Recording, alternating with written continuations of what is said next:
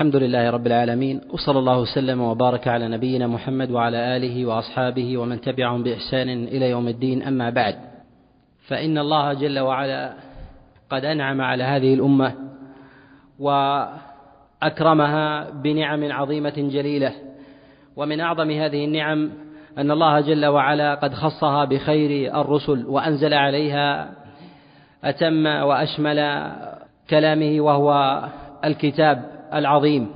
وهذا لا شك أن له أثر في عاقبه هذه الأمة عند ربها ولهذا كان من أعظم آثارها أنها من أقل أو أقل الأمم دخولا للنار وأكثرها دخولا للجنة كما جاء عن رسول الله صلى الله عليه وسلم في ذلك أخبار أخبار عديدة. وقد جعل الله جل وعلا كتابه العظيم كما أنه دليلا وحجة للناس يعرفون به الحق من الخطأ والباطل وكذلك يعرفون الخير من الشر. جعله الله جل وعلا كذلك أيضا شفاء للناس من الأسقام والأمراض. سواء كانت أمراضا حسية أو معنوية من المعنوية ما يمكن أن يطرأ على الإنسان في نفسه من العوارض التي تكون داخلة على على النفس أو الروح. وأما ما كان من الأمور الحسية مما يطرأ على الإنسان من جراحات وآلام يحس بها في جسده. كل ذلك قد دل الدليل في كلام الله جل وعلا وكلام رسول الله صلى الله عليه وسلم أنه شفاء له. وقد جاء في ذلك جملة من الأخبار عن رسول الله صلى الله عليه وسلم منها ما جاء في حديث أسامة بن شريك قال أتيت رسول الله صلى الله عليه وسلم فسألته أن نتداوى قال نعم. فقال النبي عليه الصلاة والسلام ما من داء إلا جعل الله له جعل الله له دواء إلا داء واحدا. قيل له ما هو يا رسول الله؟ قال الهرم. والمراد بذلك هي مقدمات آجال آجال الناس في أواخر أعمارهم. وذلك أن الله سبحانه وتعالى يجعل لعلامات لعلامات موت الإنسان ظهورا للناس في غالب في غالب الأحيان. وذلك مضروب ومعلوم كما جاء في ذلك جملة من الأخبار عن رسول الله صلى الله عليه وسلم من تقدير من تقدير الآجال على سبيل التقريب مما جاء في السنن وغيرها في قول رسول الله صلى الله عليه وسلم أعمار أمتي ما بين الستين والسبعين وكذلك ما جاء في ذكر المشيب وكذلك الهرم الذي يطرأ على الإنسان وغير ذلك مما يظهر على الإنسان من ضعف حواسه مما يدل على قرب قرب أجله وبعد وبعده عن مواضع القوة في الحياة. كلامنا في هذه المحاضرة بإذن الله عز وجل على جملة من المسائل المتعلقة بالرقية. الرقية قد ذكرها الله جل وعلا مبينا ومقررا لأهميتها وذكرها الله جل وعلا في سبيل التقرير.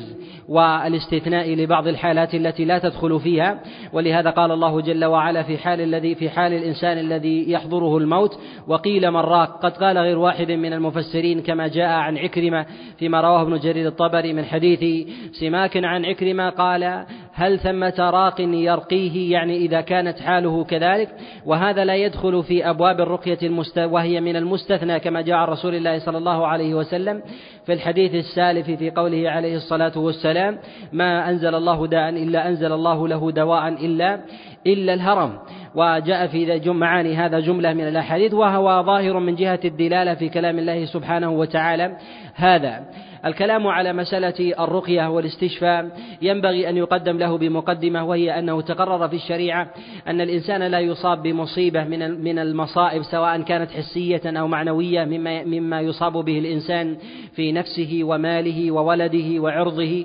لا يكون هذا إلا بذنب قد اقترفه الإنسان. وقد جاء في ذلك جملة جملة من الآية وكذلك الأحاديث عن رسول الله صلى الله عليه وسلم في تقرير في تقرير هذا المعنى ما أصابكم من مصيبة فمن فبما كسبت أيديكم وهذا يدل على أن الإنسان ما نزلت به مصيبة إلا بما كسبت بما كسبت أيديه فزوال ذلك السبب العارض الذي الذي طرأ على الإنسان يزول يزول بزواله ذلك الأثر. فإذا علمنا أن الذنوب التي يقترفها الإنسان بأحد حواسه سواء كان من من الأمور المفعولة أو من المقولة أو كان ذلك مما مما يسره الإنسان من خبيئة نفسه أو أو النية التي يصرفها لغير الله جل وعلا. فإن الإنسان يصاب بالذنوب والأسقام والأمراض جراء تلك الذنوب. فإذا تقرر لدينا هذا وعلم هذا باليقين والنص في كلام الله عز وجل وهو من الأمور المقطوعة علم أن إزالة ذلك السبب هو مزيل لذلك الأثر. ولهذا من المتقرر أصلا بإجماع الأمة أن الاستغفار يزيل الذنوب. وإذا كانت الذنوب هي الجالبة للمصائب والأسقام والأمراض فإن التوبة هي دافعة لتلك دافعة لتلك الأسقام والأمراض. ولهذا يقال ينبغي للإنسان إذا أراد أن يتكلم في مسائل الرقية أن يقرر هذا المعنى العظيم الذي تقرر أصله في كلام الله وفي كلام رسول الله صلى الله عليه وسلم وبقيت عليه الأمة عملا متواترا إلى وستبقى عليه إلى قيام إلى قيام الساعة ما استمسكت ما استمسكت بالوحي العظيم من كلام الله جل وعلا وكلام رسول الله صلى الله عليه وسلم.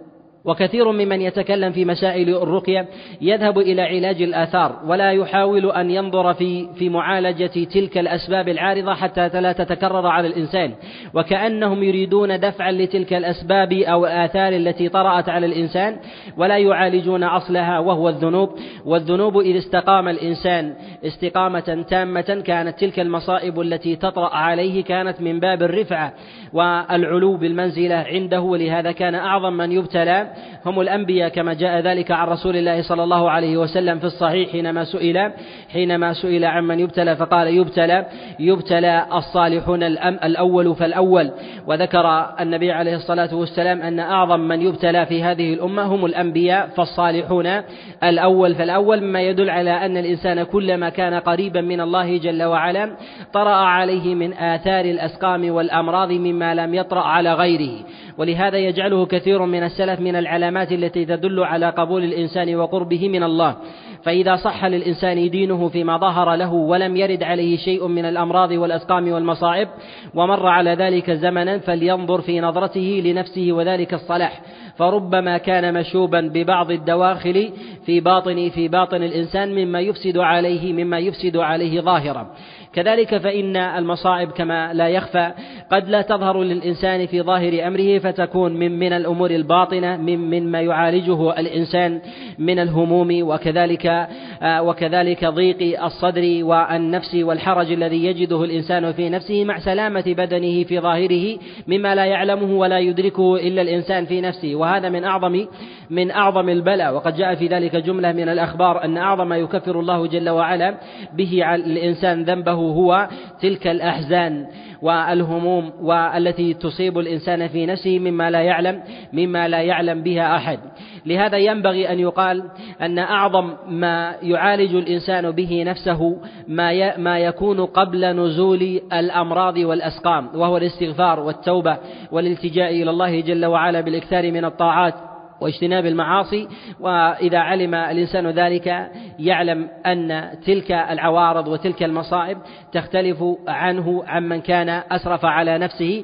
كذلك فإن لها أثرا على الإنسان في حال التباين من هذين المصدرين وذلك أنه قد يقول قائل إذا كانت المصائب والهموم تلحق الإنسان إذا كان مذنبا فتطرأ عليه من جهة من جهة الذنوب. فمن جهة ذنوبه وتطرأ عليه في حال كونه صالحا فهي طارئة عليه من جهة الأصل على الحالين. فكيف تمييز ذلك؟ يقال أن الشارع قد بين أن الله سبحانه وتعالى يلحق الذم يلحق المصيبة على الإنسان بصلاحه وذلك يريد بذلك رفعة.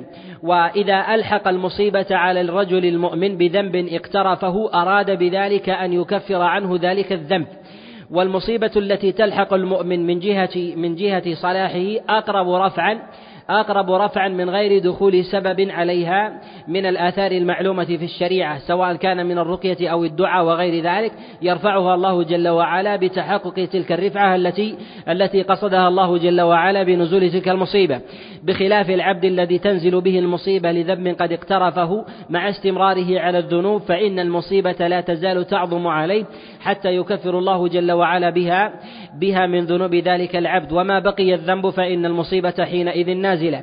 لهذا تختلف من جهة الأثر المصائب التي تنزل على الصالحين بحسب قدرة صلاحهم وقربهم من الله. كذلك أيضا تختلف وتتباين من جهة أهل الذنوب والمعاصي بحسب إرادة الله سبحانه وتعالى. لذلك المذنب من الناس من لا يريد الله جل وعلا له تكفيرا لذنبه فيبقى مذنبا صحيح الجسد.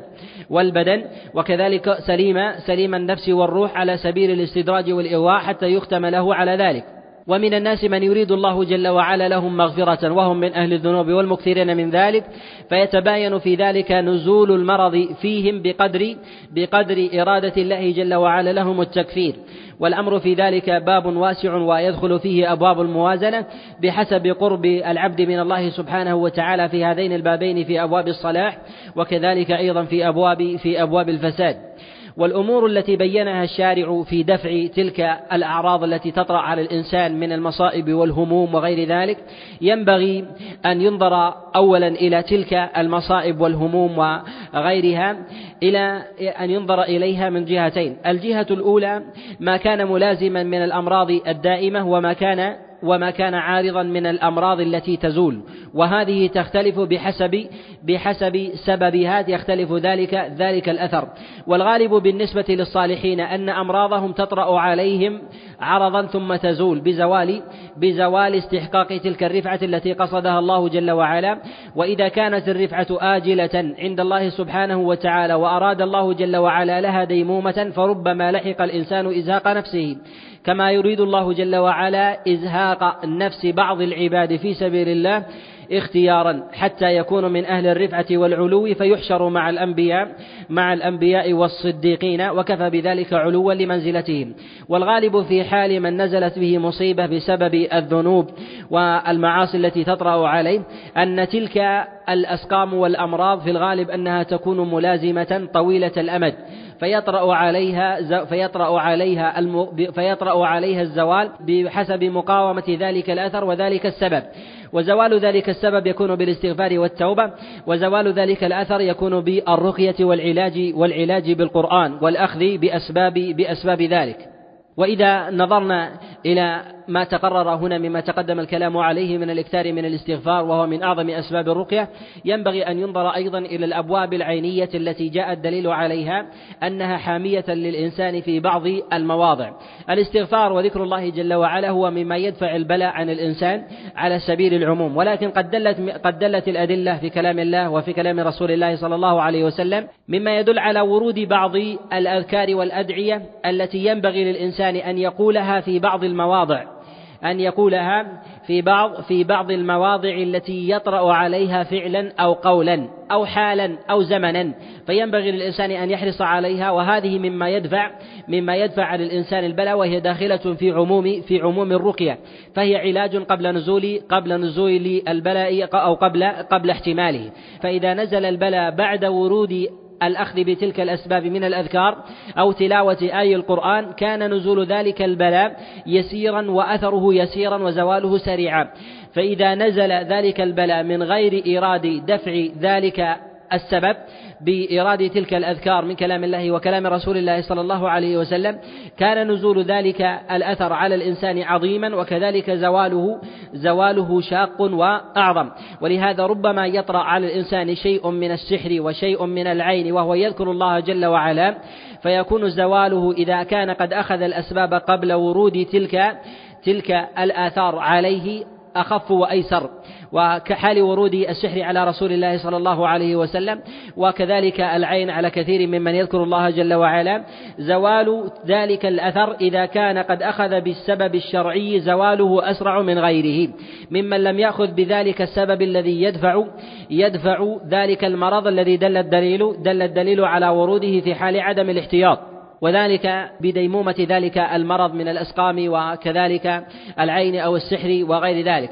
وبه نعلم أن الأذكار الشرعية تحمي الإنسان وتعصمه من ورود الأمراض والأسقام وكذلك العين وكذلك السحر وغيرها. وإذا ورد شيء من آثار تلك من آثار تلك الأعراض على الإنسان المذكورة من الأمراض أو المصائب على سبيل العموم أو الهموم أو أو الغموم والهموم التي تصيب الإنسان أو السحر أو العين فإنها عارضة وتزول بأدنى بأدنى دافع لها بخلاف الذي يطرأ على الإنسان من غير مقدمة لها بدفع فإنها تبقى تبقى أكثر من غيره وربما تدوم مع الإنسان فلا تزول حتى يلقى الله حتى يلقى الله جل وعلا. وبه نعلم أن الله سبحانه وتعالى قد جعل الإنسان صونا في هذه الأرض كما أن له صونا من جهة سلامة سلامته في معرفة طريق الخير والشر. كذلك سلامته أيضا في معرفة في معرفة صحة بدنه صحة بدنه وروحه.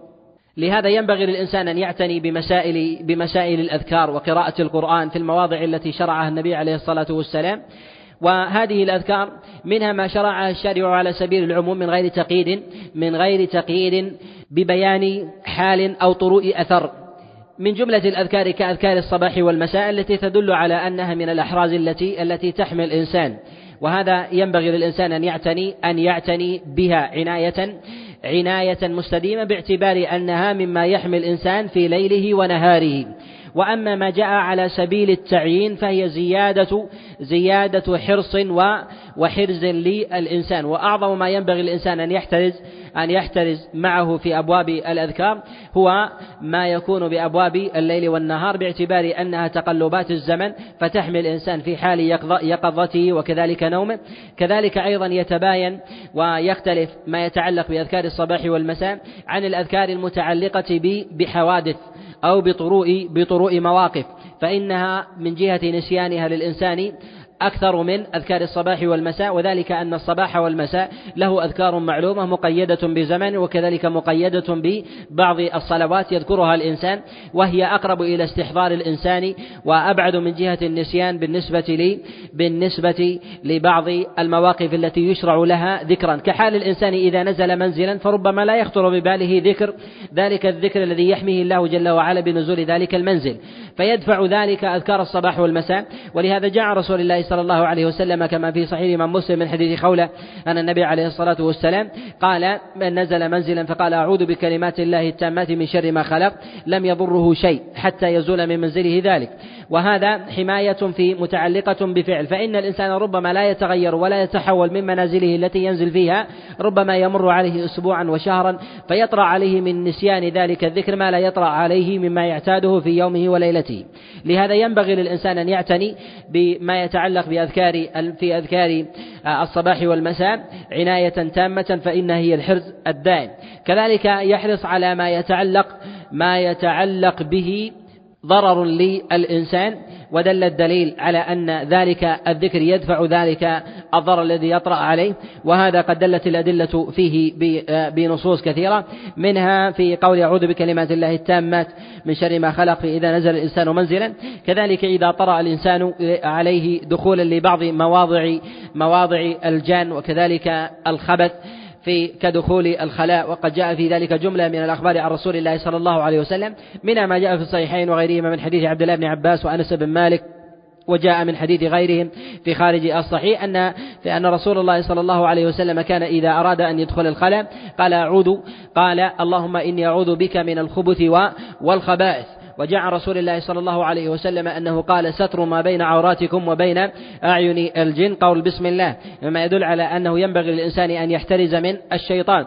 وورود الشيطان للإنسان وحضوره له له علامات قد دل قد دل في بعضها قد دل في بعضها النص. وكذلك في حضور الملائكة قد دلت الأدلة في بعض في بعض أسباب ورودهم منها ما ما يتعلق بمسألة بمسألة مواضع العبادات والمواضع المكرمة التي دل الدليل عليها كمسائل المساجد التي يذكر فيها الله جل وعلا يذكر فيها الله جل وعلا كذلك أيضا في حلق الذكر كذلك عند عند سماع صياح الديكة كما جاء في الصحيح من حديث أبي هريرة أن رسول الله صلى الله عليه وسلم قال إذا سمعتم صياح الديكة فاسألوا الله من فضله فإنها رأت ملكا وإذا سمعتم نهيق الحمير فاستعيذوا بالله فإنها رأت شيطانا. وهذا من العلامات التي ربما يعلم بها الإنسان آه، ورود الملك عليه وكذلك أيضا ورود ورود الشيطان عليه. فإذا ورد عليه أو وجدت بعض هذه العلامات فعليه أن يدفع أن يدفع تلك الشياطين التي ربما يتعلق بورودها أذى أذى للإنسان. كذلك فإن الشياطين إذا علم في الشريعة أنه ما من إنسان إلا ومعه قرين. كذلك فإن الشياطين يرون بني آدم ولا يرونهم. علم أن الإنسان لا يمكن أن يحترز من ذلك على سبيل الديمومة إلا بذكر الله سبحانه وتعالى والاحتياط والاحتياط والتترس بالنصوص الشرعية من كلام الله جل وعلا وكلام رسول الله صلى الله عليه وسلم. وهذه النصوص التي جاءت عن النبي عليه الصلاة والسلام منها ما يتعلق بالإنسان بذاته من احترازه بذاته ومنها ما يتعلق بذريته وكذلك ماله وغيرها ما ومنها ما يتعلق بمال الإنسان. ولو كان ولو كان جمادا لهذا لا حرج على الإنسان أن يذكر الله جل وعلا على جماد. كذلك أن يذكر الله سبحانه وتعالى من باب أولى. إذا قلنا على الجماد فإنه يكون على على البهائم وقد دلت الأدلة في ذلك عن السلف عن عبد الله بن مسعود وحنظلة وغيرهم من وغيرهم من السلف أنهم كانوا أنهم كانوا يرقون البهائم. وأما بالنسبة على الجمادات أن يذكر الإنسان الله جل وعلا في حال في حال رؤيته شيئا محمودا آه، من ماله أو يذكره دفعا لأعين الناظرين حتى لا يطرأ حتى لا يطرأ على ماله آه، شيء من شيء آه، من المفسدات. ولهذا قال الله سبحانه وتعالى في حال الرجل الذي مر بجنته ما شاء الله لا قوة إلا بالله يعني أن ذلك دافعا لي دافعا للعين. وهذا قاله رسول الله صلى الله عليه وسلم أيضا في قصة أبي أم في قصة سهل في لما رآه لما رآه عامر أبا الربيعة عليه رضوان الله تعالى ورأى جسده وقال والله ما رأيت جسدا أو جلدا أبيض من هذا ولو مخبأ فقال له النبي عليه الصلاة والسلام لما يقتل أحدكم أخاه ولو بركت؟ يعني قلت ما شاء الله تبارك الله. مما يدل على أن الإنسان يدفع الأعراض التي تأتيه قبل نزولها بذكر الله جل وعلا كذلك أيضا كذلك أيضا على ماله. وهذا المال إما أن يكون جمادا كحال كحال النقدين من الذهب والفضة وكحال أيضا البيوت والسيارات والأراضي وكذلك الجنات والبساتين والمركوبات بأنواعها فإنه ينبغي للإنسان أن يحصنها بذكر الله سبحانه وتعالى قبل ورود قبل ورود الأسقام عليها والإتلاف حتى لا يحتاج إلى دفعها بما هو أشق من ذلك بتتبع أسبابها والإكثار من الرقية ونحو ذلك. كذلك أيضا من بهائم الأنعام ولها أنفس أيضا فإذا قيل أن الرقية تكون على الجماد فإنها أيضا فإنها أيضا تكون على بهيمة الأنعام. وقد جاء في ذلك بعض الأخبار منها ما رواه الطبري وكذلك رواه ابن عبد البر في كتابه التمهيد من حديث هلال بن يساف عن سحيم قال كنا عند عبد الله بن مسعود نعرض عليه المصاحف وجاءت جارية عربية فقالت لرجل منا إن فرسك قد قد أتاها أحدهم بعين فلو التمست لها راقيا فقال عبد الله بن مسعود عليه رضوان الله تعالى لا تلتمسوا لها راقيا. اذهب إليها فانفث في منخرها الأيمن أربعا وفي الأيسر ثلاثا. وقل قل اللهم رب الناس أذهب الباس أشفي أنت الشافي لا يرفع الضر أضر إلا أنت فعل ذلك فبرئت. مما يدل على أن الرقية أيضا كما أنها تكون على الإنسان كذلك أيضا تكون على بهيمة الأنعام. كذلك أيضا لا حرج فيها أيضا أن تكون أن تكون على على الجماد. وهذا مما وهذا مما دل عليه الدليل. وقد جاء في مسند الإمام أحمد عن حنظلة عليه رضوان الله تعالى أنه كان كان يرقي البهائم ويضع يديه على على الضرع وعليها فيرقيها فتبرأ مما هي مما هي فيه. وكذلك ما جاء في الصحيح من حديث عبد الله بن مسعود عليه رضوان الله تعالى أنه قال كنت أرعى غنما لعقبة ابن أبي معيط فجاءني رسول الله صلى الله عليه وسلم وأبو بكر وكنت غلاما فقال أعندك حليب؟ فقال النبي عليه الصلاة والسلام ائتني ائتني بشاة لم يضربها فحل فوضع رسول الله صلى الله عليه وسلم يده على على ضرعها فذكر الله جل وعلا ف فحلبها عليه الصلاة والسلام ثم ثم رجعت كما كانت وهذا يدل على أن البهيمة أن على أن البهيمة تشفى مما يطرأ عليها وكذلك أيضا فيه من آثار الإعجاز لرسول الله صلى الله عليه وسلم. هذا ما يتعلق بمسألة الاحتياط قبل ورود الأسباب التي يعالجها الإنسان بالرقية التي ينبغي للإنسان أن يحترز فيها والنصوص في ذلك كثيرة آه، ويحرص الإنسان على ما يحمي على ما يحمي على سبيل العموم أكثر مما مما يحمي على سبيل التخصيص. النبي عليه الصلاة والسلام بين أن ثمة ثمة أذكار تحمي الدار بكاملها ولو بشيء يسير كذكر بسم الله الرحمن الرحيم كما جاء رسول الله صلى الله عليه وسلم كما جاء في حديث جابر بن عبد الله أن الرجل إذا دخل داره فقال بسم الله قال الشيطان قال الشيطان لا مبيت. وجاء النبي عليه الصلاة والسلام أيضا أن الرجل إذا دخل داره ولم يذكر اسم الله دخل الشيطان وإذا وإذا أكل طعامه ولم يذكر اسم الله قال الشيطان لكم مبيت ولكم عشاء. وإذا ذكر الله جل وعلا عند دخوله البيت وعند طعامه قال الشيطان لا مبيت. اليوم ولا عشاء يعني أن الحرز شمل البيت وأهله. وهذا مما ينبغي الإنسان أن يعتني به وهو لفظ يسير يحمي الإنسان من ورود من ورود العوارض العوارض عليه. كذلك العناية بالأذكار التي دل الدليل عليها بخصوصها من كلام الله جل وعلا وكلام رسول الله صلى الله عليه وسلم التي تحمي الدور من تلاوة من تلاوة بعض آي القرآن. من سورة البقرة وآل عمران من أنها تحمي تحمي البيت وكذلك تقي الإنسان وأهله من السحر وكذلك آخر آيتين من سورة من سورة البقرة. وغير ذلك من الآي التي يتعلق بالدور الذي ينبغي للإنسان أن يعتني به حتى يحمي أهله وذريته. وأما ما يتعلق بمسألة العلاج بالرقية فيقال أن الرقية يقصد بها ما يتداوى به الناس من لفظ وكذلك ما يتداوى به الناس من أمور محسوسة فإنها تسمى رقية سواء كان ذلك من أبخرة أو كذلك من مطعومات ونحو ذلك فإنها تسمى رقية. وهي من جهة الأصل وهي من جهة الأصل مشروعة إلا ما كان شركا. وقد جاء في ذلك خبر عن رسول الله صلى الله عليه وسلم في حديث عقبة لما جاء إلى رسول الله صلى الله عليه وسلم فقال يا رسول الله إنا كنا في الجاهلية لنا رقى نرقي بها فما ترى في ذلك فقال النبي عليه الصلاة والسلام اعرضوا علي رقاكم لا بأس بها ما لم تكن ما لم تكن شركا أو ما لم تكن من الشرك. وهذا دليل على أن الأصل في الرقى الإباحة. والرقى قد تكون من كلام الله وقد تكون من كلام العرب مما يعرف من كلام العرب وقد تكون أيضا من كلام رسول الله صلى الله عليه وسلم وقد تكون متضمنة لمعاني قد دلت عليها النصوص في كلام الله وفي كلام رسول الله صلى الله عليه وسلم من المعاني المحمودة فإن هذا مما يجوز أن يرقى أن يرقى بها. والرقية هي شاملة لكلام الله وكلام رسول الله صلى الله عليه وسلم كذلك أيضا شاملة للألفاظ العربية المفهومة من جهة المعنى ولو لم تكن من كلام الله أو كلام رسول الله صلى الله عليه وسلم. إذا دفعت عنها الشبهة والظنة من أن تكون من الطلاسم وغير ذلك.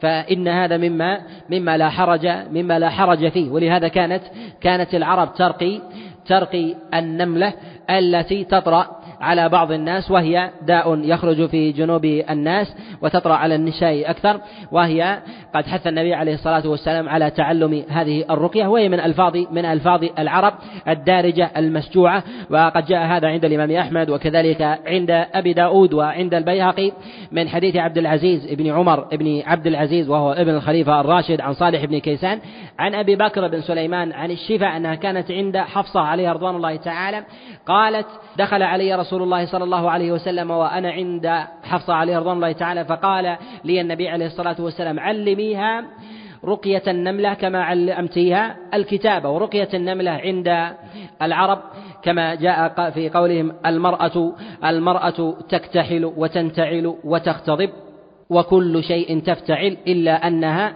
لا تعصي الرجل. وهذه وهذه رقية النملة عند العرب وهي معاني من جهة المعنى سليمة وصحيحة ولا يقال ولا يقال بمنعها. فإذا عرف أن ثمة شيء من الألفاظ مما لم يدل عليه الدليل مما مما عرف تجربة ولم يكن من الشرك فإنه يقال لا حرج على الإنسان لا حرج على الإنسان أن يتداوى وأن يرقي يرقي به. وأعظم الرقى هو ما كان في كلام الله عز وجل وكلام رسول الله صلى الله عليه وسلم ومما دل عليه الدليل من الوحي فإنه أعظم أعظم شفاء. وقد بين الله سبحانه وتعالى أن القرآن قد أنزله شفاء شفاء للناس. قال الله سبحانه وتعالى وننزل من القرآن ما هو شفاء ورحمة للمؤمنين. وهذا دليل على أن القرآن شفاء للذين آمنوا خاصة وقد يكون أيضا للكافرين. هو شفاء للمؤمنين وشفاء للكافرين أيضا. شفاء لهم بنوعي الشفاء شفاء لهم باتباع الحق ومعرفة طريقه وكذلك شفاء لهم من معرفة الباطل وكذلك النكوص عن مسالك عن مسالك الضلال. وكما أنه شفاء لأهل الإيمان من معرفة الحق من الصواب كذلك أيضا شفاء لهم من الأسقام والأمراض. وهذا لا خلاف فيه عند العلماء ولهذا رسول الله صلى الله عليه وسلم كما جاء في الصحيح في حديث أبي سعيد الخدري لما لما كان رجل من أصحابه يرقي أحدا من المشركين لما لدغته عقرب دليل على شفاء القرآن حتى لرقيه الكافر. ولكن ثمة مسألة وهي هل للرجل المسلم أن يرتقي عند كافر من اليهود والنصارى؟ أن أن يأخذ رقية عند يهودي أو نصراني أم لا؟ الصواب في ذلك الجواز. وهذا الذي قال به أبو بكر الصديق عليه رضوان الله تعالى كما صح عند الإمام مالك في كتابه الموطأ من حديث يحيى بن سعيد عن عمرو عن عائشة عليه رضوان الله تعالى أنها كانت تذهب إلى يهودي إلى يهودية ترقيها فدخل عليها أبو بكر الصديق عليه رضوان الله تعالى فقال ارقيها بكتاب الله ارقيها بكتاب الله وهي وهي يهودية. مما يدل على أن الكافر ولو كان كافرا إذا رقى بالقرآن غيره أو بشيء من السنة وشيء معروف أن هذا لا حرج فيه. وقد جاء عند البيهقي أن امرأة عبد الله بن مسعود عليه رضوان الله تعالى كانت تذهب إلى امرأة يهودية ترقيها ترقي عينها بعد وفاة رسول الله صلى الله عليه وسلم. وهذا فيه دليل على على جواز رقية رقية أهل الكتاب إذا عرفت ولم تكن ولم تكن من الألفاظ الشركية.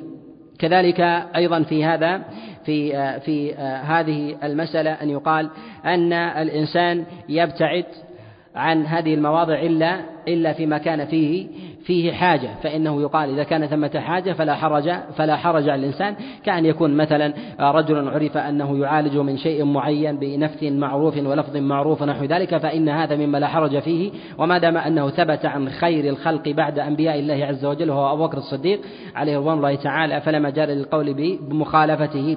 وقد قال بجواز ذلك غير واحد من العلماء كالإمام أحمد عليه رحمة الله وكذلك الشافعي كما في كتابه الأم فقد سئل عن ذلك كما جاء في رواية الربيع بن سليمان أنه سئل عن ذلك فقال لا بأس به قد جاء عن أبي بكر الصديق وليس له مخالف يعني من أصحاب رسول الله صلى الله عليه وسلم. وكذلك فإن بعض الأئمة مال إلى كراهته فإنه يخشى أن يكون مما بدلوا من الألفاظ من ألفاظهم التي يرتجلونها مما ليس من كلام الله جل وعلا. قال بكراهته غير واحد من العلماء كالإمام مالك عليه رحمة الله والصواب في ذلك الجواز. والرقية مشروعة الرقية مشروعة ولا خلاف عند العلماء في ذلك ولكن الخلاف عند العلماء في مسألة في مسألة أيهما أولى أن يصبر الإنسان أم يرتقي. ولا أعلم أحدا من العلماء قال أن الرقية لا تجوز أو قال أنها محرمة وإنما الخلاف في مسألة أيها أولى أن الإنسان يصبر يصبر على مرضه الذي هو فيه ويدعو الله جل وعلا أم أم يرتقي. واختلف العلماء في هذه المسألة على عدة أقوال. ذهب جماعة من العلماء إلى أن الرقية جائزة فيستوي فيها فيستوي فيها طرف طرف الرقية أو عدمها. وذهب إلى هذا جماعة من الفقهاء وقول الحنفية والمالكية واستدلوا بجملة من الأدلة مما يدل على جوازها من غير ترغيب أو أو حظ. وقالوا قد استوت الأدلة في ذلك عن رسول الله صلى الله عليه وسلم في الحث والإمساك.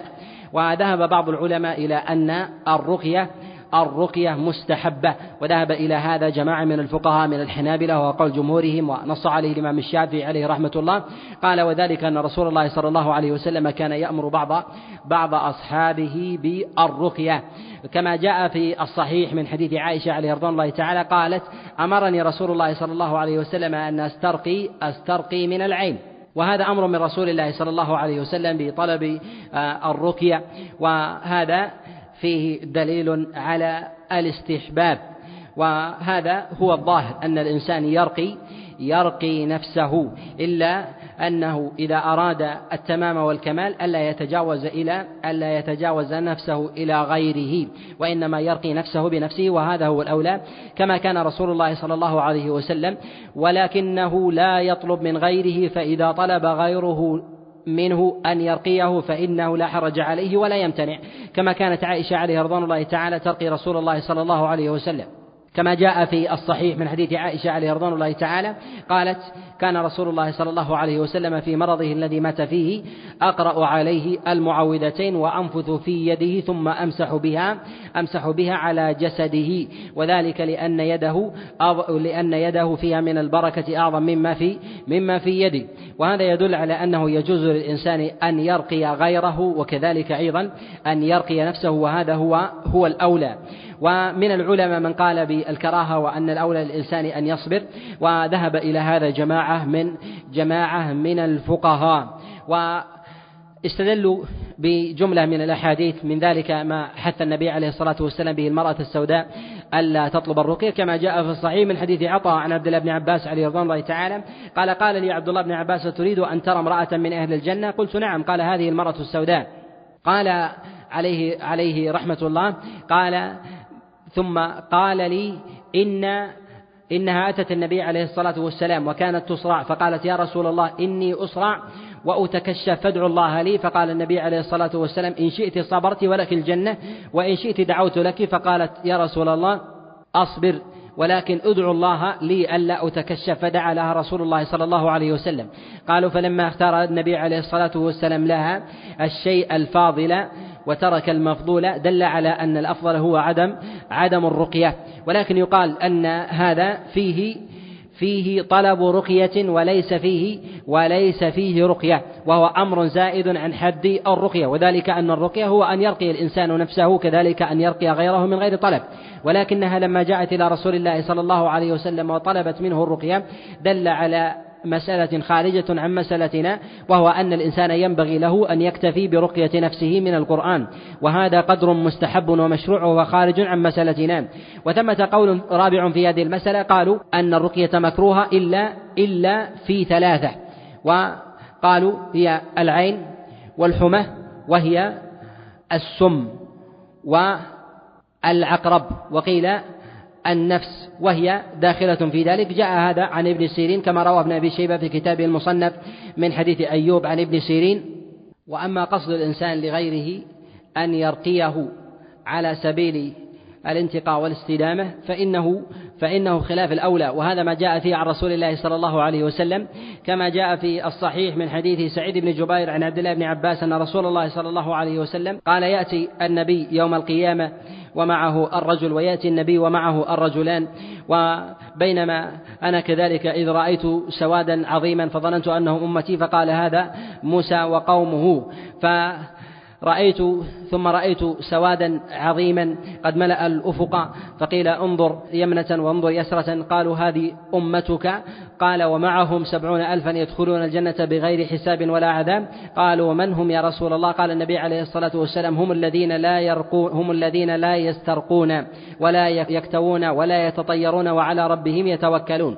وفي هذا دليل على أفضلية أن يعتني الإنسان برقية برقية نفسه وأن يبتعد عن أن يبتعد عن الإكثار من طلب الرقية من الغير وهذا هو دي رسول الله صلى الله عليه وسلم.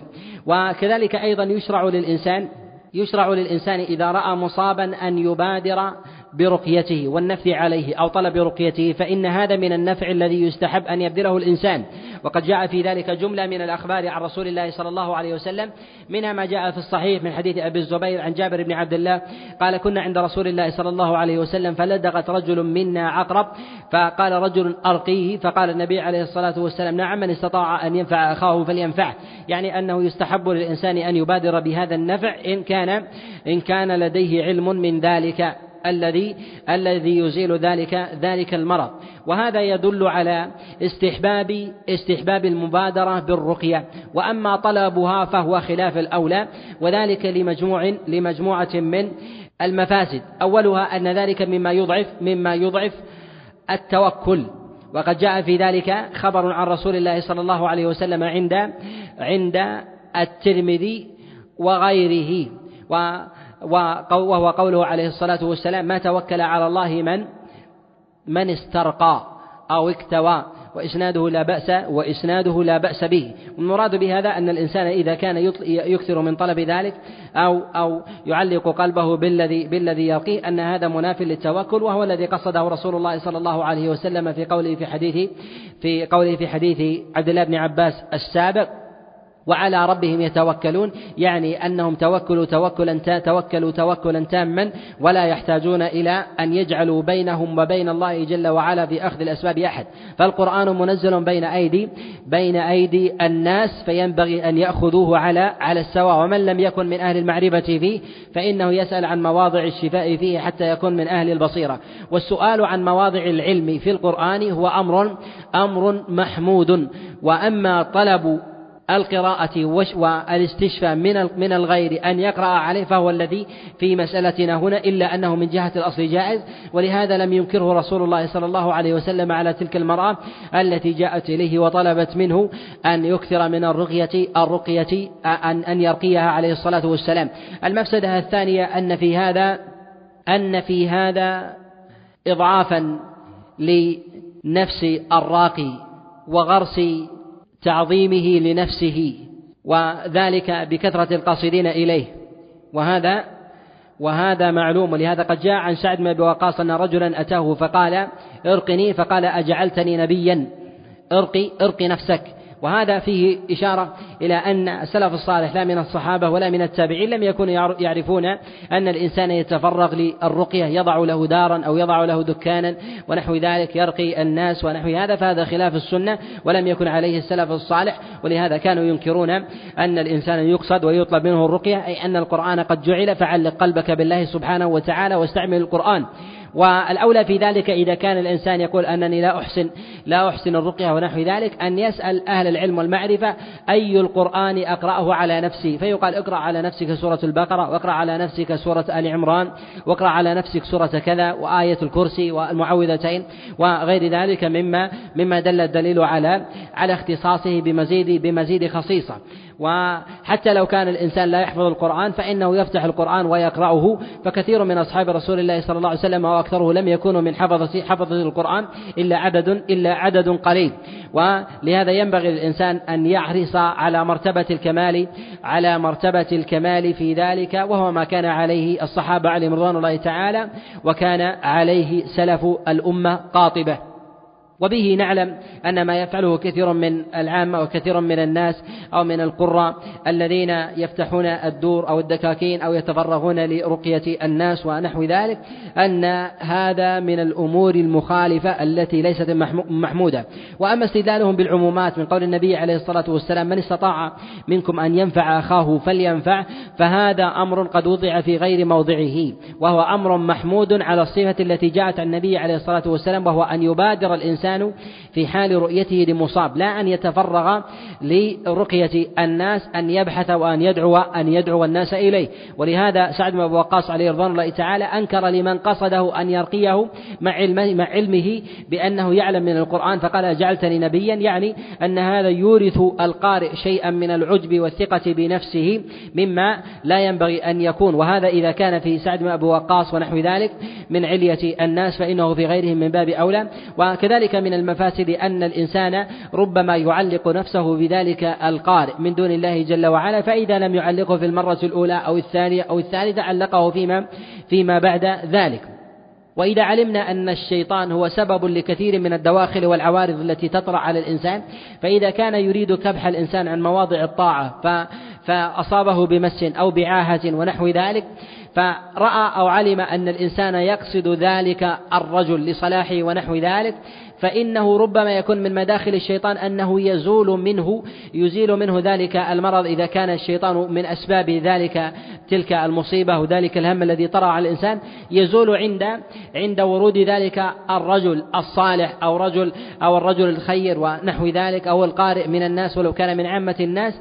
وذلك لأن المفسدة على صاحب المرض أعظم وذلك أنه يضعف إيمانه ويعلقه بذلك الشخص. فإذا بعد عنه عاد إليه.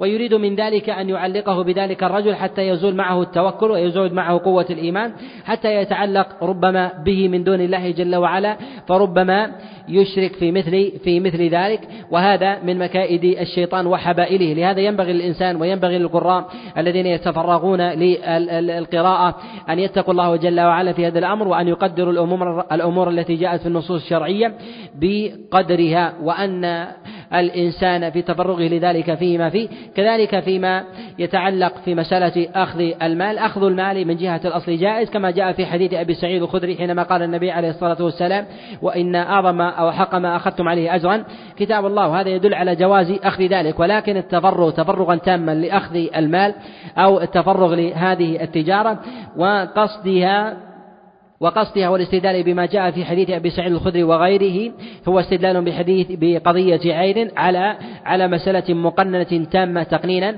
وهذا وهذا فيه ما فيه من الخروج من الخروج عن النص ومبالغة كثير من القراء والرقاة أو العامة ونحو ذلك بضرب مبالغ طائلة ونحو هذا هذا من الأمور من الأمور المخالفة التي لا ينبغي التي لا ينبغي أن يلجأ إليها الإنسان ولا يقال بتحريمها إلا أنها من الأمور المكروهة التي ليست بمحمودة وربما كانت دافع الإنسان بعدم توكله إلى الله وربما ابتدأ فيها الإنسان مخلصا لله فكان مع استكثار المال وكذلك مدح الناس له ويقع فيه إعجاب في نفسه وعدم توكل على الله جل وعلا وكذلك تقصير بأبواب العمل. لأنه يرى من أثر طاعته وإيمانه ويقينه فيما يزعم بشفاء الناس فيده من ذلك اليقين والإخلاص لله سبحانه وتعالى وكذلك المفسدة التي تطرأ على الناس من قاصديه ونحو ذلك من استدرار أموالهم وإخراجها من غير وجه حق ومبالغة في ذلك بمبالغ طائلة ونحو هذا. هذا من الأمور من الأمور المذمومة. التي التي ينبغي الإنسان أن يبتعد عنها قدر قدر وسعه. جاء عن رسول الله صلى الله عليه وسلم صفة للرقية وهي ينبغي الإنسان أن يكون متبصرا فيها وعلى علم على علم بها. جاء النبي عليه الصلاة والسلام صفات وهيئات في أبواب الرقية منها أن يضع النبي عليه الصلاة والسلام يده يده على المريض كما جاء في حديث عائشة عليه رضوان الله تعالى على موضع الألم. النبي عليه الصلاة والسلام كان يضع يده على موضع على موضع الوجع أو على رأس المريض فيقول فيقول اللهم أشفي أنت الشافي لا شفاء إلا شفاؤك الشفاء لا يغادر لا يغادر سقما. وكذلك أيضا ما جاء ما جاء في حديث أنس بن مالك عليه رضوان الله تعالى وقد جاء في الصحيح من حديث ثابت عن أنس بن مالك بنحوه عن رسول الله صلى الله عليه وسلم. وهذا يدل على أن الراقي ينبغي له أن يضع يده على على المريض سواء على رأسه وكتفه ويحذر أيضا من المحظورات وهذه المحظورات في هذا الموضع منها أن يضع الإنسان يده على موضع عورة عورة المريض. وهذا من الأمور من الأمور المحرمة كأن يمس فرجه أو أن يمس دبره ويقول أن هذا من مواضع من مواضع المرض وهذا من الأمور المحرمة.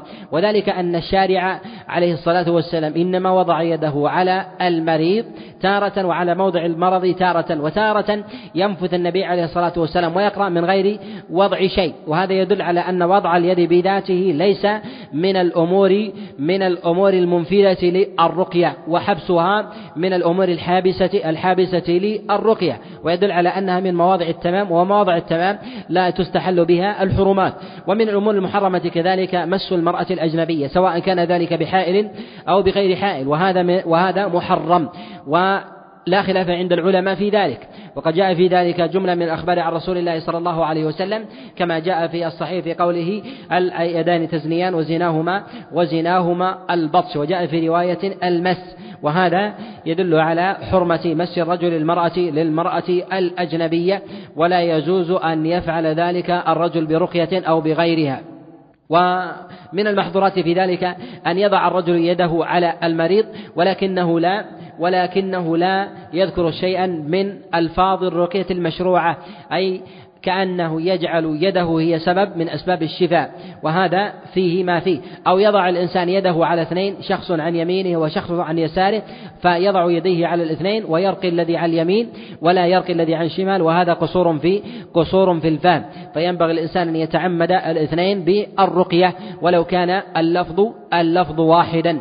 كذلك من صفات الرقية التي كان النبي عليه الصلاة والسلام يرقي بها يرقي بها الناس هو أن يضع أصبعه في التراب كما جاء كما جاء في الخبر عنه عليه الصلاة والسلام في الصحيح أنه كان يضع أصبعه في التراب ثم يضع يضع ريقه عليه ثم يضعه في التراب حتى يعلق بها التراب فيقول النبي عليه الصلاة والسلام تربة أرضنا بريقة بعضنا وجاء في بعض الألفاظ باسم ربنا يشفى مريضنا. وهذا يدل على أن الإنسان يستشفي بالتراب.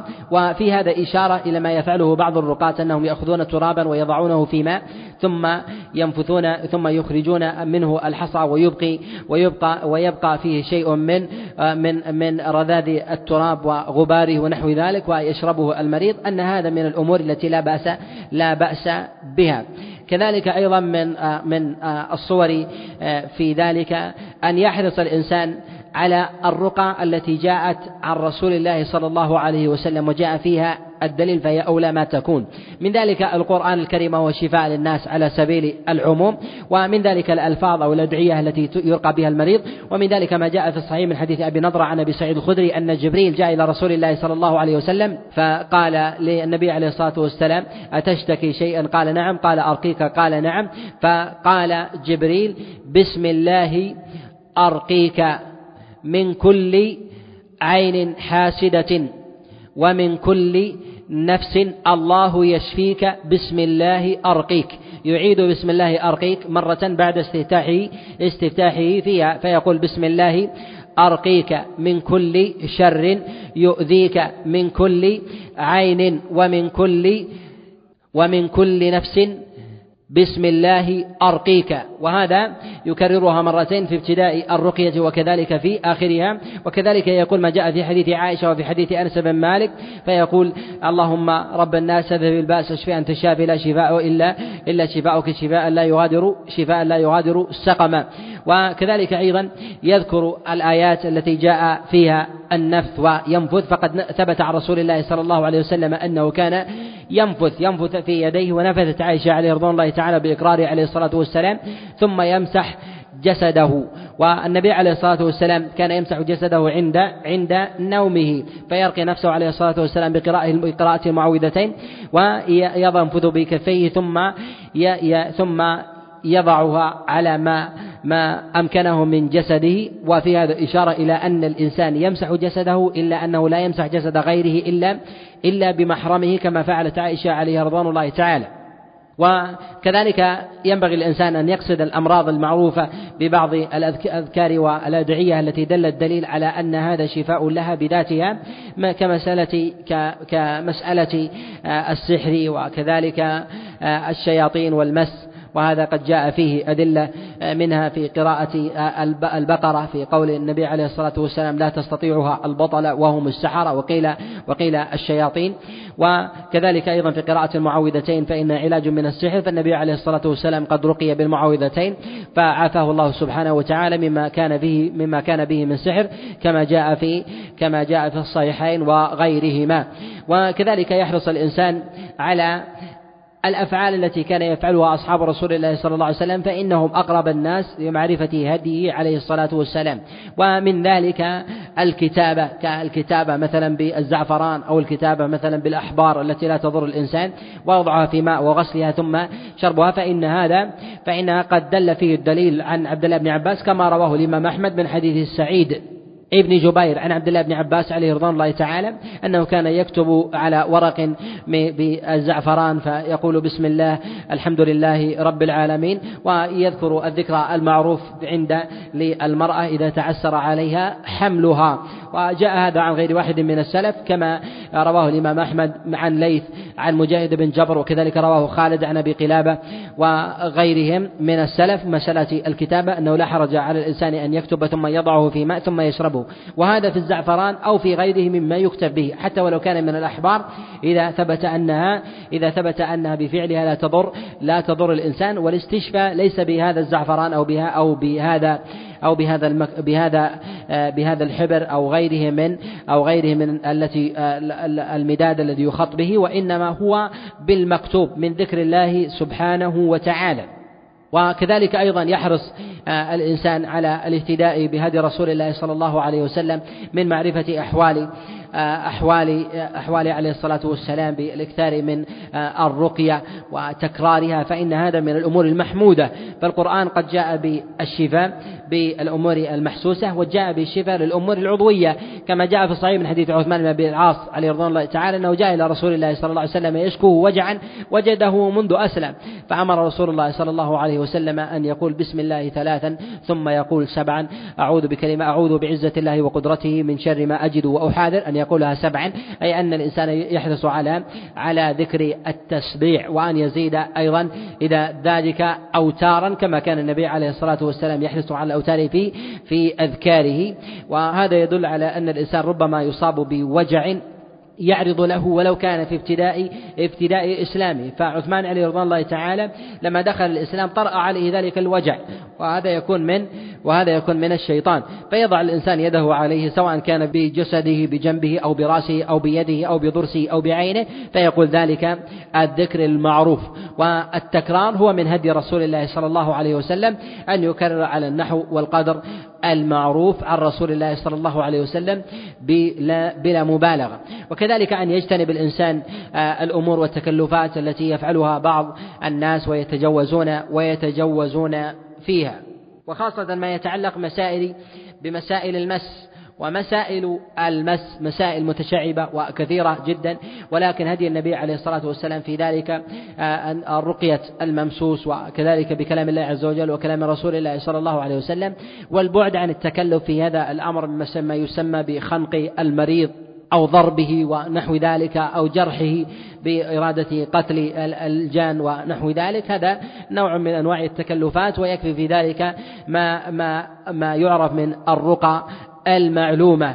والرقى في ذلك ما ثبت في كلام الله وفي كلام رسول الله صلى الله عليه وسلم وما عرف من كلام وما عرف من كلام العرب. وأن يحرص أيضا على النفذ والنفذ هو إخراج الهواء من غير من غير ريق و يعرفونه بأن الإنسان ينفذ كحال الإنسان إذا أكل زبيبا فإنه يخرج ما في ما في ما حرارة ذلك وما في لسانه من من رذاذه من غير من غير إخراج الريق ولا عبرة بمن كره الريق أو بمن كره النفث عند قراءة القرآن من السلف. وهذا جاء عن بعض الفقهاء من أصحاب عبد الله بن مسعود كما روى ابن أبي شيبة عن مغيرة عن إبراهيم أنهم كانوا يكرهون النفث عند الرقية. ومراد إبراهيم النخعي بقوله يكرهون النفث عند الرقية أي أصحاب عبد الله بن مسعود عليه رضوان الله تعالى ولا عبرة بذلك فإنه قد ثبت عن النبي عليه الصلاة والسلام من فعله وكذلك أيضا من تقريره عليه الصلاة والسلام. ولا عبرة بمن خالفه ممن ممن خالفه في هذا في هذا الباب أو في غيره ما ثبت ما ثبت في ذلك الدليل وصرح من جهة من جهة من جهة الدلالة. وينبغي للرقاة أن أن يحذروا من جملة من المحظورات منها أن ينصبوا أنفسهم أن ينصبوا أنفسهم للناس وأن يتفرغوا لهذا ويزدادوا من ذلك كراهة أن يجعلوا ذلك تكسبا لهم ويتفرغوا في هذا فإن هذا من الأمور الأمور المذمومة. ما وجد الإنسان موضعا للتكسب للتكسب والرزق وقد عرف بالتجربة أن من سلك هذا الطريق وتفرغ له وجعله تكسبا أنه في غالب أمره يصاب يصاب بالاعتداد بالنفس والغرور وربما كان ذلك في آخر أمره مجلبة للانتكاسة عن الطريق السوي والبعد عن الحق وعن المنهج القويم وعن التمسك بسنة النبي عليه الصلاة والسلام. فيعلق قلبه بهذا الأمر فيعظم ويغتر بنفسه حتى يضعف إيمانه شيئا فشيئا حتى يبتعد الإنسان عن الحق والعياذ والعياذ بالله. كذلك أن يبتعد الإنسان عن المواضع التي لا دليل عليها وتؤذي الإنسان ما يسمى بخنق المريض عند القراءة عليه ويريد بذلك أنه يخنق الجان. أولا يعلم أن الجان إذا تلبس بالإنسان أنه أن الإنسان لا لا يحس بذلك الأذى الذي يلحقه، فإذا ضرب فإن الذي يحس الجان، ولكن الأذية تتعدى للمريض بعد زوال المس، فإذا خرج الجان منه بقيت الآلام في الإنسان. وهذا من الأذية غير محبب ولكن العلاج العلاج هو أن يكون بالقرآن. ولهذا ربما يزهق تزهق روح الإنسان وذلك أن الراقي يظن أن الأذى أن الأذى يلحق الجان. فربما مات الإنسان من الخنق أو ربما من الجراحة ويريد بذلك أن يقتل أن يقتل الجان. وكذلك أن يحذر الإنسان وهو الأمر الرابع في هذا أن يحذر الإنسان من من الخوض الخوض مع الجان. بالكلام وسؤالهم ونحو ذلك فإنهم كذبة. وقد أخبر بذلك النبي عليه الصلاة والسلام. ويكفي في هذا أن خبر الإنس المجهول لا يقبل. فكيف بالجن المجهول الذي لا يعلم حقيقته؟ هل هو من أهل الإيمان أو من غيره؟ ولهذا النبي عليه الصلاة والسلام قد جاء عنه كما في كتابه كما في الصحيح كما في الصحيح في قصة أبي هريرة لما كان جعله النبي عليه الصلاة والسلام حارسا على الزكاة فجاءه الشيطان بصورة فقير فحبسه أبو هريرة عليه رضوان الله تعالى فقال له النبي عليه الصلاة والسلام ما فعل أسيرك يا أبا هريرة البارحة؟ فقال إنه اشتكى لي الحاجة وضعف العيال فأطلقته. فقال النبي عليه الصلاة والسلام أما إنه كذب وسيعود. قال أبو هريرة فعلمت أنه كذب وسيعود فعاد إليه. وفي قول النبي عليه الصلاة والسلام أما إنه كذب مع أنه شكى الحاجة والفاقة والعيال ونحو ذلك والمسكنة. فهذا شيطان مارد قد كذب قد كذب على أبي هريرة وأخبر النبي عليه الصلاة والسلام أبا هريرة أنه كذب وسيعود إلى ما كان إليه فإذا كان قد أعطاه المواثيق ألا يعود ثم عاد بعد ذلك يدل على يدل هذا على أن الإنسان ينبغي له ألا يخوض مع الشياطين بالكلام والزيادة فإنهم كذبة لا يؤخذ منهم قول ولا يؤخذ منهم ولا يؤخذ منهم فعل. لهذا يعلم أن الخوض معهم خوض مع كذبة متمرسون الكذب وهو من الأمور من الأمور المحظورة. ومع كونه يورث مفاسد وهذه المفاسد أن الإنسان بطبيعته البشرية يحب البحث عن المغيبات والبحث عن أسرار عن أسرار العالم ونحو ذلك. فيسأل الجان عن عمن سحر فلانا. وعمن ألحق به الضرر وعن أحوال الجن وعن هيئاتهم وعن بلدانهم وعن انتقالهم ونحو ذلك. هذا من الفضول وكذلك من الكذب ما تتعارض فيه أقوال الجان بين أنفسهم عند عند إخبارهم. فهو كاذب ربما في زعمه في زعمه الإسلام. فإذا كان ربما يكذب في زعمه الإسلام فهو ربما يكذب أيضا في إخباره بأحوال الناس. ومن أعظم المفاسد التي تطرأ في هذا هو الإخبار عن الضغائن التي تخ... عن... عما يثير الضغائن بين الناس وهو أن يسأل الجان عمن سحر فلانا. من الذي سحر فلان؟ ومن الذي دفعك إلى أن تمس فلان؟ ونحو ذلك. فيقول الجان الذي سحر الذي دفعني إليه عمه فلان أو زوجته فلانة ونحو ذلك. فتفرق بين البيوت بخبر بخبر كاذب. وهذا مما لا يجوز شرعا. وهو من النميمة المحرمة. وهو من النميمة المحرمة ومن فعل ذلك فهو نمام. ولو كان راقيا إن سأل الجان من الذي سحر فلانا؟ فيقول فلان فيخبره أن الذي سحرك فلان فهذا من النميمة. ويكفي بذلك أنه إخبار بكذب بشخص أو إخبار عن شخص مجهول جعله في حكم الحق فأخبر فأخبر به. فإذا كان النبي عليه الصلاة والسلام قد جعل القتات والنمام لا يدخل الجنة وخبره وخبره معلوم معلوم من جهة الصحة وتلفظ به فنقل إلى غيره فكان يورث الضغينة كان كبيرة من كبائر الذنوب. فخبر الجان والبحث والبحث عنه هو أيضا من النميمة والساعي في ذلك ساع في حرام وهو داخل في حكم في حكم النمام والعياذ والعياذ بالله. وثمة مسألة يثيرها ممن يخوض في مسائل الجان ونحو ذلك وهو أن أنه يستفيد منهم ببعض أخبارهم أنه ربما يخبرون خبرا فيكون صحيحا ولا مفسد في ذلك. يقال أنه علم بالتجربة أن من دخل في هذا الباب أنه باب واسع تطمع إليه إلى إلى التوسع فيه النفوس بالبحث عن الأمور المغيبة وعن أدوية الناس وعلاجاتهم ونحو ذلك. فالنفوس تحب أن يقصدها الناس فإذا علم أن الناس تقصد أمثال من لديه شيء من أمور المغيبة من معرفة مواضع الأسقام ومواضع السحر ونحو ذلك فيدفعه عن البحث عن المزيد شيئا فشيئا حتى يبحث عن عما لا عما لا يعطيه الجان من العلم إلا بصرف العبادة لغير الله. وكم من الناس من ابتدأ بالرقية بكتاب الله وكلام رسول الله صلى الله عليه وسلم انصرف إلى إلى السحر والشعوذة والكهانة والعياذ بالله وقد حذر رسول الله صلى الله عليه وسلم من ذلك. وثمة مسائل تتعلق بالرقية وهي ما تتعلق برقية الغائب. وهي الإنسان أنه يرقى غائبا. يقال أن هذا من الأمور التي لا أصل لها وهي من الأمور المتعلقة بالخرافة والغائب حقه أن يدعى له. فتقول اللهم اشفه اللهم اعف عنه اللهم ارفع عنه ونحو ذلك. أما أن ترقيه وهو بعيد فهذا فهذا مما لا دليل عليه. ويدخل في ذلك الرقية عبر الهاتف أو عبر الوسائل الحديثة فإن هذا مما لا أصل مما لا أصل فيه. إلا إذا كان الإنسان مثلا عنده ونحو ذلك فيرقيه مثلا. إذا كان لا إذا كان مثلا آه، به صمم ونحو ذلك فيرفع صوته أو بمكبر ونحو ذلك فإن هذا لا حرج لا حرج فيه. وبه يعلم أن ما يفعله كثير من العامة من فتح المذياع في المنزل أو وضع أشرطة القرآن ووضعها على الدوام أن هذا لا يقدم ولا يؤخر في أبواب الرقية شيئا وأن هذا لا يقدم ولا يؤخر بعمارة البيوت بذكر الله وأن هذا لا يقدم ولا يؤخر من جهة طرد الشياطين. وذلك أن الله جل وعلا قال كما في الخبر القدسي أنا مع عبدي ما إن ذكرني أو تحركت بشفتيه. فإذا كان ذكر الإنسان لربه بقلبه لا ينفع الإنسان حتى تتحرك به الشفتين. فيعلم أن الآلة الصماء التي توضع في البيوت فتقرأ القرآن والإنسان معرض عن الله جل وعلا أنها لا تحميه. وكثير من الناس من يبحث عن رغبة نفسية بعمارة البيوت بذكر الله وينشغل عن ذكر الله جل وعلا ولا يقرأ القرآن ولا يذكر الأذكار فتطيب نفسه بسماع القرآن في المنزل. فنقول أن هذا أن هذا من تلبيس إبليس من تلبيس إبليس على الناس. وهنا مسألة وهي قد يقول قائل هل نطفئ المذياع؟ أو أو المسجلات ونحو ذلك أو التلفاز عن إذاعة القرآن ونحو ذلك التي يسمع فيها كلام كلام الله جل وعلا نقول لا. ولكن توضع في البيوت على سبيل التذكير للإنسان. فيستحضر الإنسان معه حفظه فيقرأ معه وإذا قرأ معه كأنه يستذكر القرآن من محفوظه كذلك الزوجة. وكأنه يريد من ذلك تعليما وتذكيرا أما ما عدا ذلك فليس له أثر بالتجربة.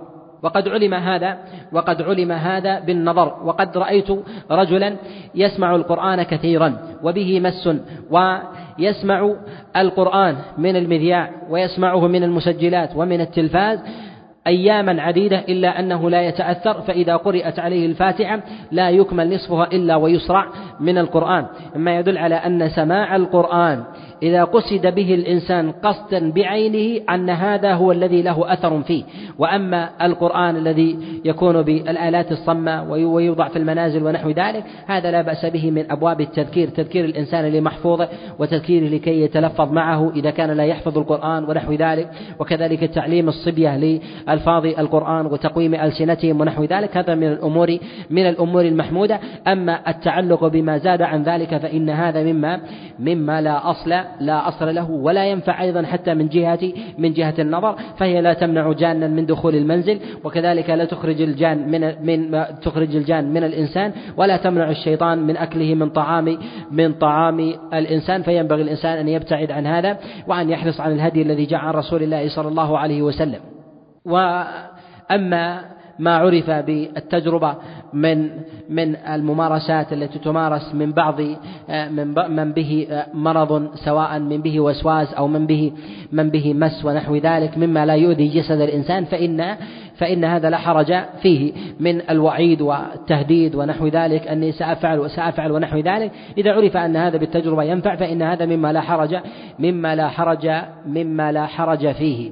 ومن المسائل المهمة هنا ما يتعلق بمسألة المسحور ورقيته. أعظم رقية للمسحور هو ما ما فعله رسول الله صلى الله عليه وسلم وخصه الله جل وعلا برفع ذلك البلاء الذي نزل برسول الله صلى الله عليه وسلم وهو بقراءة المعوذتين التي رقاها جبريل برقاء النبي عليه الصلاة والسلام جبريل عليه السلام بهما فرفع الله جل وعلا عنه ذلك ذلك البلاء. والرقية يليها بعد ذلك بسائر القرآن وكذلك بالأذكار المعروفة وكذلك بالألفاظ المعروفة الجائزة ما لم تكن ما لم تكن شركا. وأما فك السحر عن عن المسحور بالذهاب إلى السحرة ولفك السحر من غير إيمان بهم فعامة العلماء على المنع من ذلك وذهب إلى هذا وذهب إلى هذا عامة عامة السلف.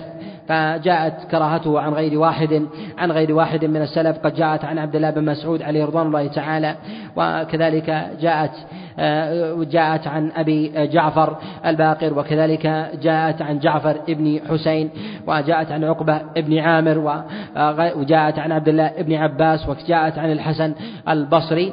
وروي عن بعض السلف أنه قال وهذا جاء عن الحسن جاء عن سعيد بن المسيب فيما رواه البخاري عن قتادة عن سعيد بن المسيب أنه قاله في الرجل الذي يمنع عن أهله أيرفع عنه قال نعم قال أنقل ذلك عنك قال قال نعم. جاء هذا عند ابن أبي شيبة وغيره. حمله بعضهم أن المراد بذلك هو ذهاب للسحرة وهو معنى عام ومن من حمله بالتجوز بالذهاب إلى السحرة. القرطبي عليه رحمة الله حمله على هذا المعنى وكذلك غيره. ومن العلماء من قال أن المراد بذلك هو الاسترقاء بشيء من ألفاظ القرآن أو من ألفاظ الناس المعروفة ما لم تكن شركا. ولهذا قال الحسن البصري فيما رواه ابن أبي شيبة عنه من حديث يونس عن الحسن قال قال النشرة من السحر وجاء أنه لا يفك السحر إلا لا يحل السحر إلا ساحر وهذا عن عبد الله بن مسعود وغيره.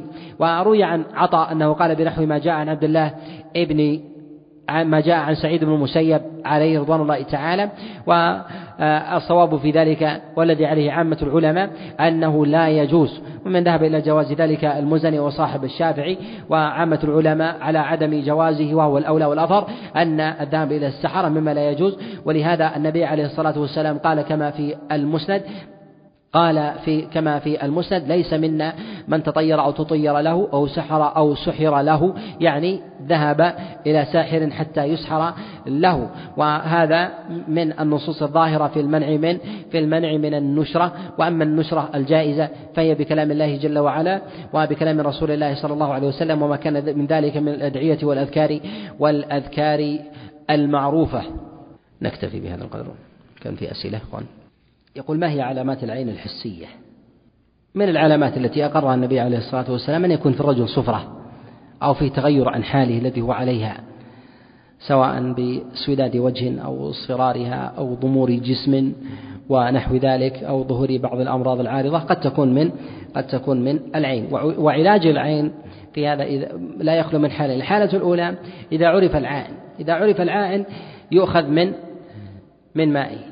يغتسل ويكون غسله يغتسل يديه ومرفقيه ويغسل وجهه وأطراف رجليه وركبتيه وكذلك داخلة إزاره ثم يصب الماء على رأس ثم يصب الماء على رأس المعان فيشفى بإذن الله تعالى.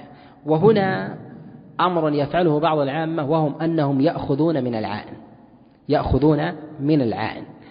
وكأن يؤخذ مثلا من أثره من ريقه مثلا الذي يوجد على النوى ونحو ذلك فيقال أن هذا لا أعلم عليه أثرا عن السلف. ولكن لو عرف بالتجربة فهو فهو حسن ولا حرج ولا حرج في ذلك. وينبغي للشخص ولو كان صالحا أو عالما أو فاضلا أو يظن أن نفسه لا لا تعين وطلب منه الاغتسال أن يغتسل. فإذا كان هذا في خير الخلق بعد الأنبياء وهم الصحابة فهو من بعدهم باب أولى. لأن الإنسان ربما لا يملك نفسه وربما يعين الإنسان نفسه وربما يعين ولده وهو لا يعلم. ولهذا ينبغي الإنسان إذا إذا شعر بشيء من ذلك أن أن يغتسل على النحو السالف الذكر وهو من الأمور من الأمور المشروعة. يقول هل المقصر في دينه يرقي على نفسه مع تقصيره ولا يذهب للرقاة إذا ذكرنا أن اليهودي عائشة تذهب إلى يهودي وصححنا ذلك. فكيف المسلم المذنب؟ وهو موحد. ألا يكفي توحيده بأن يرقي نفسه؟ تعلق القلوب بالناس وعدم تعلقها بذلك المقروء وهو كلام الله جل وعلا. يضعف الإيمان عند الإنسان ويضعف توكله وربما لا تؤتيه الثمر ولهذا كثير من الناس يقول ذهبت إلى الدولة الفلانية وإلى الراقي في البلدة الفلانية ودفعت كذا وإلى البلدة الفلانية وإلى البلدة الفلانية وإلى البلدة الفلانية ولم أنتفع من ذلك بشيء. لن تنتفع من هذا الشيء. ما دام أنك جندت نفسك هذه الأشهر وهذه الأيام وعلقت نفسك بهؤلاء الأشخاص ففي الغالب أنك لن تنتفع. وإنما الانتفاع يكون أن تعلق يعلق الإنسان نفسه بكلام الله سبحانه وتعالى يعلق نفسه بالله. ولا حرج عليه أن يقصد الإنسان لكن ليس هذا هذا القصد المفرط هو أن يعمد الإنسان إلى إلى الرحلة في البلدان ونحو ذلك هذا من الأمور المذمومة. يقول هل من استرقى لولده الصغير؟ حكمه كمن استرقى لنفسه. نعم. وولده بضعة منه. يقول هل يشرع القراءة في ماء أو زيت أو نحوه والاغتسال به؟ نعم. لا حرج أن يقرأ في الماء كما تقدم إذا كان يكتب زعفران ثم يضعه في الماء ثم يشرب ذلك الماء لا حرج عليه. كذلك أن يضعه في المواضع التي هي فيه. وهنا سؤال يسأله بعض الناس يقول إذا أخذت ماء مقروءا هل أغتسل فيه في مواضع النجاسة؟ فإن أو في المغاسل التي تذهب إلى إلى مواضع النجاسات نقول لا حرج في ذلك. لا حرج في ذلك ولا أعلم مانعا يمنع منه. يقول أليس في الرقية نصرة للمظلوم وأخذ على يد الظالم وتأديبه وإخراجه؟ فما الرأي في من يقرأ من يقول أقرأ على المريض بنية هداية الماس مع أن هذا الماس ظالم. هذا من التسويل التسويل الذي لا دليل عليه. يقول رجل يجعل القرآن يتلى عند رأسه وينام عليه حتى الفجر. نقول هذا لا يخلو من حالين إذا كان يريد أن يسمع القرآن ليتلفظ به حتى يتابع معه. فهذا أمر محمود وحسن. أما أن يجعل القرآن يقرأ وهو منشغل البال بأمر الدنيا ومنصرف بخواطره يمنة ويسرة ويريد بذلك أن ترتاح نفسه فقط راحة نفسية نقول هذا هذه الراحة النفسية هي من الشيطان ليست من الرحمن. وكم من الناس ترك قراءة القرآن والأذكار عند النوم لأنه يجد الراحة عند المذياع وكم من الناس ترك رقية قراءة البقرة وتلاوة الأذكار في بيته لأنه يشغل المذياع دائما. وهذا لا يقدم ولا يؤخر. وكم من البيوت مليئة ظلمة وبعد عن الله والمذياع مشتغل فيها على الدوام. ومن أعظم البلايا أيضا أن تشتغل أن يشتغل المذياع في البيوت والبيوت مليئة من المنكرات. بالصور معلقة ومنصوبة ونحو ذلك. هذا مشروع لا شك أنه من الهوى الذي يريد الإنسان أن يسلي نفسه أنه متعلق بالله. ولهذا يذكر العلماء أن الراحة النفسية التي يجدها الإنسان في بعض الأعمال ليست دليلا على على صوابه. ولهذا الذين يجدون الراحة النفسية في زيارة قبر الحسين والبدوي والسيدة زينب يجدون من الراحة يقول لا نجدها في الحرم. وهذا من من تلبيس الشيطان على الناس لإغوائهم وإضلالهم. وهنا أنبه أن وضع القرآن في السيارة في طريق الإنسان بذهابه ومجيئه.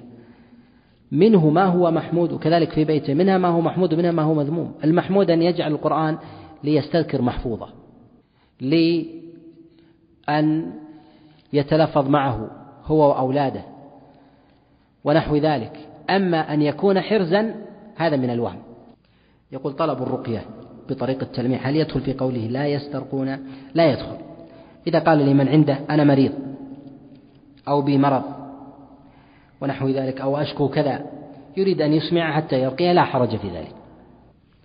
في هذا كفاية وصلى الله وسلم وبارك على نبينا محمد.